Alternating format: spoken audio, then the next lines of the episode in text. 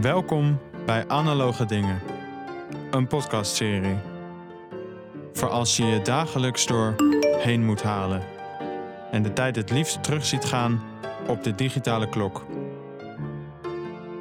Voor alle mensen die ervan balen dat ze naar een scherm zitten te staren. En voor wie zijn koptelefoon al aan had staan voordat hij vertrok. Als je je zo voelt, zal het luisteren voelen als pensioen. Het gaat over mensen die iets op de oude manier doen. En nog steeds te werk gaan zoals toen.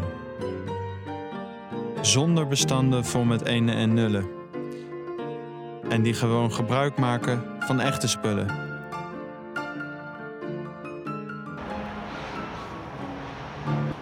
Voor de eerste aflevering ben ik op Amsterdam Centraal waar ik heb afgesproken met fotograaf Paul Robert. Het is een zonnige herfstdag en terwijl ik sta te wachten zie ik hem aankomen. Op zijn hoofd heeft hij een zwarte hoed en op zijn rug zit een zware cameratas. Nou, er zitten, zitten een aantal aspecten aan. Um, kijk, als je kijkt naar klassieke fotografie, dan uh, ging het eigenlijk maar om drie dingen. Het ging om kijken, kijken en kijken. Um, dat was één. En daarnaast een fotografische techniek die bestond uit uh, sluitertijd, diafragma en een soort film die je gebruikte. Um, die drie dingen waren de enige dingen die golden. Als je dat in je vingers had, dan kon je fotograferen. Alle prachtige foto's uit de 20e eeuw zijn gemaakt met die simpele insteek. Het doel technisch was altijd de meest scherpe, fijnkorrelige foto te krijgen die er was. En als het nou alleen om dat aspect van fotografie gaat, dan is digitale techniek natuurlijk veel verder gekomen dan film ooit kwam. Maar tegelijkertijd is er met camera's iets gebeurd uh, dat ze steeds meer zijn volgepompt met techniekjes en knopjes en minuutjes die voorbij gingen aan de basisprincipes van fotografie, waardoor fotograferen met een moderne digitale camera eigenlijk niet leuk meer is. Het is kliklakwerk geworden, zelfs met professionele camera's. En de grote uitdaging, uh, in ieder geval voor mij met digitale camera's, was altijd om zoveel mogelijk van die rotzooi uit te zetten. Weet je, autofocus was een prachtige uitvinding, die had je ook al in de digitale tijd. En dan was er gewoon één puntje in het veld uh, waarop je kon scherp stellen. En voor de rest met je diafragma bepaalde je hoeveel voor en achter scherp moest zijn. Meer dan dat ene puntje heb je niet nodig. Nu worden camera's standaard verkocht met 385 of 499 autofocuspunten. Who cares? Wat moet je met die rotzooi? Weet je, het, en het wordt steeds moeilijker om er van af te komen op een enkele camera na. Uh, Fuji heeft uh, in ieder geval een camera waarin je die flauwekul kan uitzetten. En Leica heeft camera's waar ze het gewoon niet instoppen. Dat vind ik nog veel fijner. Dus dat is één ding. Maar er is ook een ontwikkeling wat verloren is gegaan in de digitale camera, is het materiaal. Films geven uh, een korrel, digitale camera's geven ruis. Nou, het verschil in woord is al een aanduiding van het belang ervan. Niemand fotografeert op uh, omdat een camera zo'n mooie ruis geeft. Maar waar je vroeger met film wel mee fotografeerde, was dat het zo'n mooie korrel gaf. Dus die keuze van film bepaalde het beeld. Nu is het wat mij betreft, uh, uh, ik gebruik film uitsluitend voor zwart-wit fotografie. En daar kun je natuurlijk ook, met een digitale camera kun je ook zwart-wit fotograferen. Alleen als je begint met een kleurenfoto en je bouwt hem om naar zwart-wit, dan ben je toch geneigd om te kijken naar een kleurenfoto. Zwart-wit fotografie is een andere blik. Als je uh, erop uit bent om zwart-wit foto's te maken, dan kijk je naar uh, schaduwen, contrasten, vormen veel meer dan wanneer je een kleurenfoto maakt. Paul heeft het hier over korrel en daarvan wist ik eerst niet wat het was. Dit zegt Wikipedia daarover. Korrel is de naam voor de kleinste structuren in de beelden op fotografisch filmmateriaal. Deze structuren ontstaan onder invloed van de kristallen zilverhalogenide in de fotoemulsie. Naarmate de kristallen groter zijn, wordt ook de korrel groter en tezelfdertijd het filmmateriaal gevoeliger. Ook het ontwikkelproces kan invloed hebben op de korrelgrootte. Nu we dit weten, kunnen we verder luisteren naar waarom film zo fijn is om mee te werken. Dit is gefotografeerd ehm, met film. Ik was, eh, ik moet je vertellen, mijn allereerste reisreportage heb ik gemaakt in 1979 op uh, Athos uh, in Griekenland. Het is een, een kleine autonome monnikenrepubliek, er staan allemaal kloosters. daar heb ik toen uiteraard uitsluitend analoog gefotografeerd. met twee camera's, één kleur, één zwart-wit. En ik ben dit jaar voor een soort 40ste jubileum daarnaar teruggegaan. Dat was voor een fototentoonstelling. En heb toen naast uh, twee digitale camera's ook een oude analoge camera meegenomen om nog een keer daar ook met film te fotograferen. Ik heb eigenlijk altijd een analoge camera bij me, erbij. Want het meeste werk voor publicaties, dat is, in, dat is digitaal. Maar voor verkoop van prints en dat soort dingen is het gewoon heel fijn om ook met, eh, met film te werken. En je hebt het over, over film, want dat heb je natuurlijk nodig. Eh, maar uh, hoe, hoe kom je daaraan? Want ik kan me voorstellen dat het niet meer zo makkelijk te krijgen is. Of wordt het nog gemaakt nou, eigenlijk? Het zal je, verrassen. Uh, het Engelse bedrijf Ilford, dat, wat, dat van oudsher bekend was met fotopapier en film, die zijn bijna failliet gegaan. En die maken nu weer winst.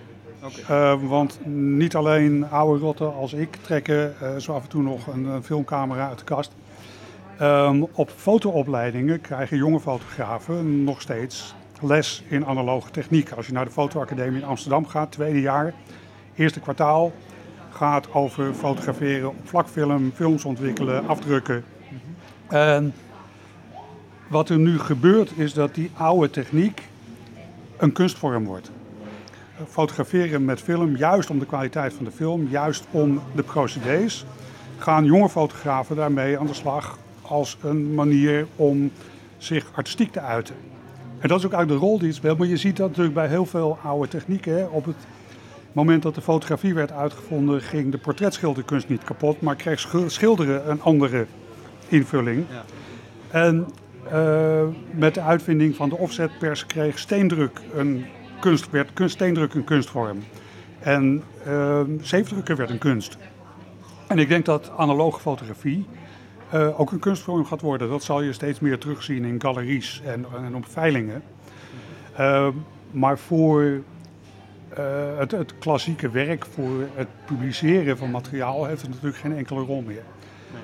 Maar het, het en dat het een nieuwe kunstvorm uh, aan het worden is, dat zou dus te maken hebben met de moeilijkheidsgraad of de toegankelijkheid van de, van de kunst. Nou ja, het, het, wordt, het is nu een hele duidelijke keuze als je fotografeert om met film te gaan fotograferen. Um, en dat doe je omdat je met die technieken, met het materiaal wil werken. En je daar een uitingsvorm in vindt. Kijk, als je een foto als deze hier kun je heel duidelijk zien. Dit is een, um, een heel erg bewolkt zeegezicht met bergen op de achtergrond met een extreem grote korrel. Ja. En dat bereik je, dit kun je nooit doen met een digitale foto. Ja, er zitten filtertjes in Photoshop waarmee je het effect van films kunt nabootsen. Maar ja, waarom zou je dat doen? Weet je, als je dat echt kan doen. Wat je wil, is het echt doen. En wat vooral heel erg leuk is, kan je, ik heb nog één ding meegenomen. Um, dit is een ongelukje. En jonge fotografen gaan nu experimenteren met dit soort ongelukjes. Dit is een dubbelopname, twee foto's over elkaar. Ik heb dit wel expres gedaan hoor. Maar uh, met een film die uh, vervolgens is ontwikkeld en verkeerd gefixeerd. Waardoor er gekleurde vlekken inkomen. En dat is een soort ongelukje wat gebeurt in die film. Maar als je dat bewust doet, wordt dat kunst. Dit kun je inlijsten en aan de muur hangen. Het is dus iets wat door jonge kunstenaars gedaan wordt met fotografische technieken. Ook een reden om analoog te werken, want dit kun je met een digitale camera ook niet. Heb je thuis foto's van jezelf aan de muur hangen? Heb ik wat? Thuis foto's van jezelf aan de muur hangen? Uh, ik heb er naast mijn bureau één hangen. Die ene uit New York die ik je net liet zien van uh, het Flatiron, die heb ik. Da daar bent u het meest trots op? Nee, nee. Uh, nee hoor, er zijn andere foto's waar ik heel tevreden over ben. Ik heb er hier één. Deze heb ik ook gemaakt in New York. Um, Dit was s'avonds om, om half twaalf of zo. Uh, dit is buiten het nieuwe World Trade Center metrostation. Uh, dat hebben ze gebouwd. Ik weet, ik weet, niet of je het kent. Het is een gebouw dat gebouwd is als een soort skelet aan de buitenkant. Dat lijkt op uh, de restanten die er stonden van het World Trade Center nadat het in 2001 was neergehaald. Dat heeft de architect geïnspireerd om dit soort dinosaurus-skelet ribbenkast te maken.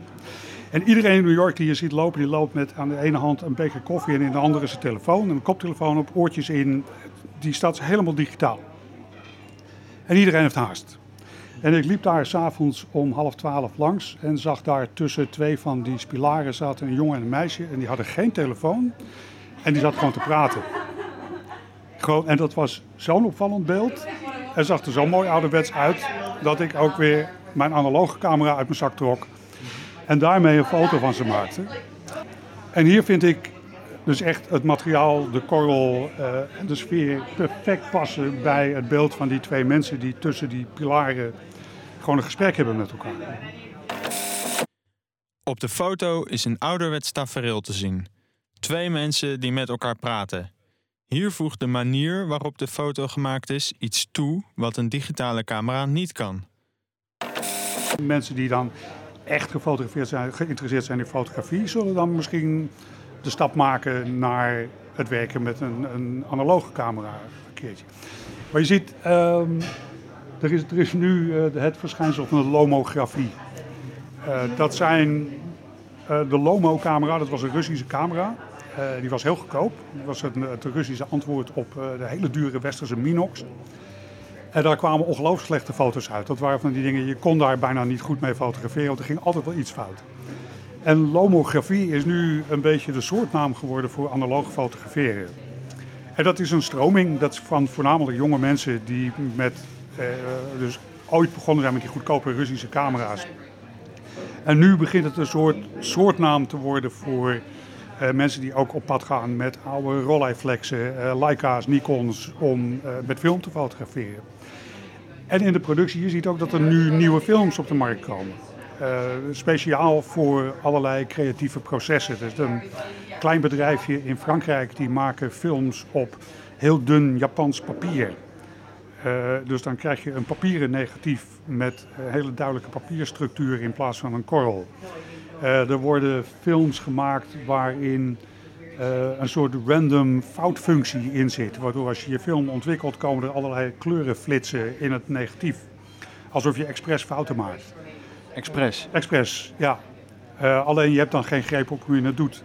Nee. En dat is allemaal gericht op, op creatieve manieren van omgaan met die materialen. En dat is op zich een hele leuke ontwikkeling. Okay. Dus het is ook een beetje zo dat de vooruitgang in de fotografie, wat dan digitale fotografie was, dat wordt een beetje zijn eigen ondergang ook. Oh nee, absoluut niet. Want de digitale fotografie gaat niet weg natuurlijk. Digitale fotografie is nu fotografie. Um, analoge fotografie vindt nu een nieuwe plek als kunstvorm uh, en als uitingsvorm. En voor een, een steeds kleinere groep mensen als uh, het ding waarin ze zich alleen maar kunnen uiten naast digitale fotografie.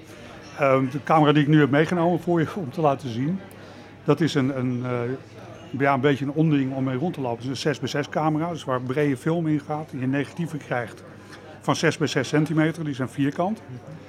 Um, ja, die gebruik ik um, om te werken in een vierkant formaat. Omdat het vierkante formaat echt ongelooflijk mooi is. Een hele andere aanpak heeft van, van het componeren van je beeld.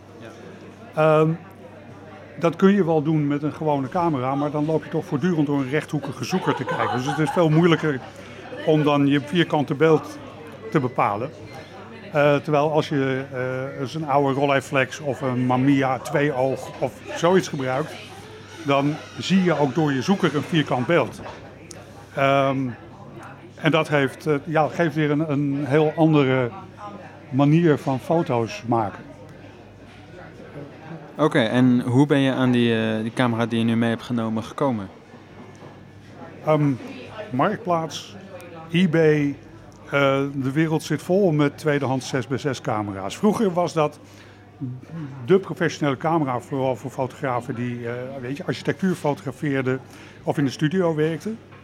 Nou, dat is allemaal vervangen door digitaal materiaal. Uh, dus die camera's, die, uh, ja, ze liggen nu voor het oprapen. De goede kosten nog wel geld. Maar onvergelijkbaar met uh, wat ze vroeger in de winkel kosten. Of met de digitale camera's? Um, ja, nou ja, je moet moderne, de, de echte top digitale camera's van nu kun je vergelijken met de top van de analoge camera's van vroeger. Gewoon een echte professionele digitale camera ben je nu ook 10.000 euro kwijt. De top van vroeger is de top van nu. Wat wel nog hetzelfde is aan de cameratop zijn de prijzen en de lenzen. Ja, hè, wat het grote werk was Hasselblad vroeger. Uh, Hasselblad kun je nu een body kopen voor 500 euro en je betaalt 500 euro per lens. Uh, dus voor, voor pak 2, 2.500 euro heb je een complete topset waar vroeger 10.000 voor betaald moest worden. En worden er ook nog nieuwe analoge camera's gemaakt? Um, nou, ik heb begrepen dat Leica, die was eigenlijk de laatste, die maakte de M7, dat was hun, uh, hun, hun, laatste paradepaard. Die zijn daar net mee gestopt. Okay. En volgens mij was dat in de top van de markt echt de laatste. Is dat jammer? Um, ja, wat is jammer. Um, als er geen markt meer voor is en je kunt dat niet meer doen, dan verdwijnt het. Weet je, um, de mensen die bereid waren 7000 euro voor een, digitale, voor een analoge camera te betalen van Leica, die betalen dat nu voor de digitale. Um, en je kunt de oude modellen waar je net zo mooi mee kunt fotograferen met hun. Je kunt van dat merk gewoon alle lenzen vanaf 1930 nog gebruiken. Uh, dus als je er eentje koopt uit die 60 jaar oud is of 40 jaar oud, dan kun je daar net zo mooi mee fotograferen als met die nieuwe. Dat is dan wel weer handig. Ja, dat is heel fijn. Passen de, de, of nee, daar zal wel geen verschil in zitten tussen de digitale lenzen en de analoge lenzen. Ja, glas is glas, dus dat maakt niet uit. Je kunt uh, alle lenzen die ooit gemaakt zijn vroeger, kun je op uh, moderne digitale camera's gebruiken met adapters. Er zijn echt honderden verschillende soorten adapters om alle bizarre soorten lenzen die er ooit gemaakt zijn te kunnen gebruiken op moderne camera's. Wat is de bijzonderste camera die je in je bezit hebt? Um, de bijzonderste die ik heb. Nou ja, mijn werkpaard uh, is een Leica de M10. Dat is het laatste digitale model van ze. En um, analoog is op dit moment, want die, die verwissel ik nog wel eens voor de lol, omdat gewoon die dingen nu zo betaalbaar zijn. Ja. Um, op dit moment is uh, de bijzonderste. De rugtas uh, ja, gaat open. En, dan, en dan hebben we hier. Is dit het monster. Dit is uh, de Mamiya C330 Professional. Het ding weegt bijna 2 kilo. Uh, een, een twee-oog camera met een zoeker boven en de feitelijke lens waarmee je fotografeert onder. En dan zo'n zoeker waarin je bovenin moet kijken om je beeld te zien. En je ziet het dan ook nog gespiegeld. Dus je... Oké, okay, dus daar moet je ook nog rekening mee houden. Ja, maar, maar goed, dat went. Dit is uh, uit 1970. Hij ziet er nog uh, heel nieuw uit. Ja, het was ook destijds een hele dure camera. Dus mensen die dat hadden, uh, ondanks dat het professionals waren, waren daar ook wel zuinig op. Die hebben er goed voor gezorgd. Die hebben daar is altijd goed voor gezorgd, ja. En hij heeft twee, twee lenzen, zie ik. Waar zijn die, zijn die verschillend allebei? Um, nee, ze zijn uh, op zich hetzelfde. Het is dezelfde uh, brandpuntsafstand. Alleen deze is voor de zoeker. Er zit hier een spiegeltje. Uh, dus je kijkt bovenin en dan zit er een spiegeltje. En dan kijk je door de bovenste. En de foto maak je met de onderste. Oké, okay, dus de bovenste is alleen om doorheen te kijken wat je aan het ja, fotograferen ja, bent? Wat dus het, het lastig maakt als je dichtbij fotografeert. Want als ik hierdoor kijk naar jouw gezicht op korte afstand en ik maak een foto, maak ik een foto van je kin en niet meer van je ogen. Dus je hebt een, het, het heet parallax. En er zit een, een heel uitgebreid systeem in om uh, met metertjes hier te kijken wat het verschil is. Je kan ook bovenin staat een wijzertje als je het ding verandert waar de bovenkant van je foto zit. Uh, en hoe je het beeld moet aanpassen om te zorgen dat je ook fotografeert wat je door je zoeker wilde hebben. Het, is, uh, het heeft een zekere leercurve, zo'n camera. Ja. En u gaat hiermee de, de straat op. Wat, wordt u wel eens raar aangekeken door mensen of eh, krijgt u wel eens reacties? Als je, als je met zo'n ding als dit loopt, eh, ja, er zijn eh, oudere mensen die komen van, oh bestaat dat nog? God, kun je daar nog film voor krijgen? Jeetje, wat leuk, mag ik even kijken? Of, ja, mijn vader had een huppeldepup, uh, dat soort reacties. Ehm, en soms mensen die eh, eh, heel benieuwd zijn en dan eh, naïeve vragen stellen als, is dat full frame? En wat voor chip zit daarin? Hoeveel megapixel? Precies. Nu de camera in gereedheid is gebracht, gaan we ermee op pad. Er zijn inderdaad een aantal mensen die bedenkelijk kijken naar het vogelhuizen voor Paul zijn buik. De pont naar de overkant van het ei is precies op tijd en als we aan de overkant zijn, gaan we linksaf. Paul heeft een eh, mooie foto gezien eh, die hij wil maken van het AI Museum. Dus daar gaan we even naartoe. En dat is een, eh, een redelijk extreme groothoek. Vergelijkbaar, als je dat wat zegt, met een gewone camera met een 24 mm. Dus je moet eh, heel dichtbij om het beeld te krijgen dat je hebben wil.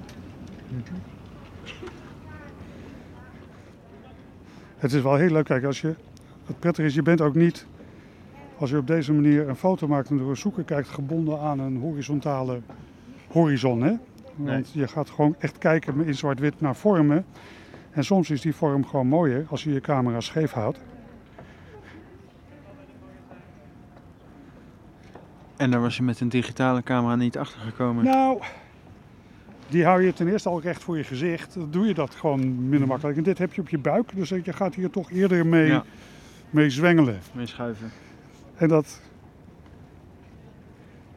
dat gaat hier bijna van nature mee. Maar we moeten nog steeds een stukje dichterbij. Die is wel heel groot, die hoek. Oh ja. Ja, het is een eh, behoorlijke hoek. Ik vind dit wel leuk. Uh, moet er eigenlijk nog even iemand over die trap lopen hier. Je moet hem even scherp stellen hoor.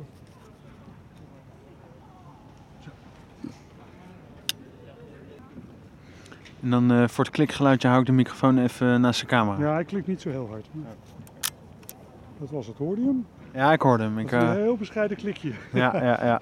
Dat komt omdat dit geen spiegelreflex is. Hè? Je denkt aan een spiegelreflexcamera waar dat, die Ja, spiegel oh in ja. omhoog klapt.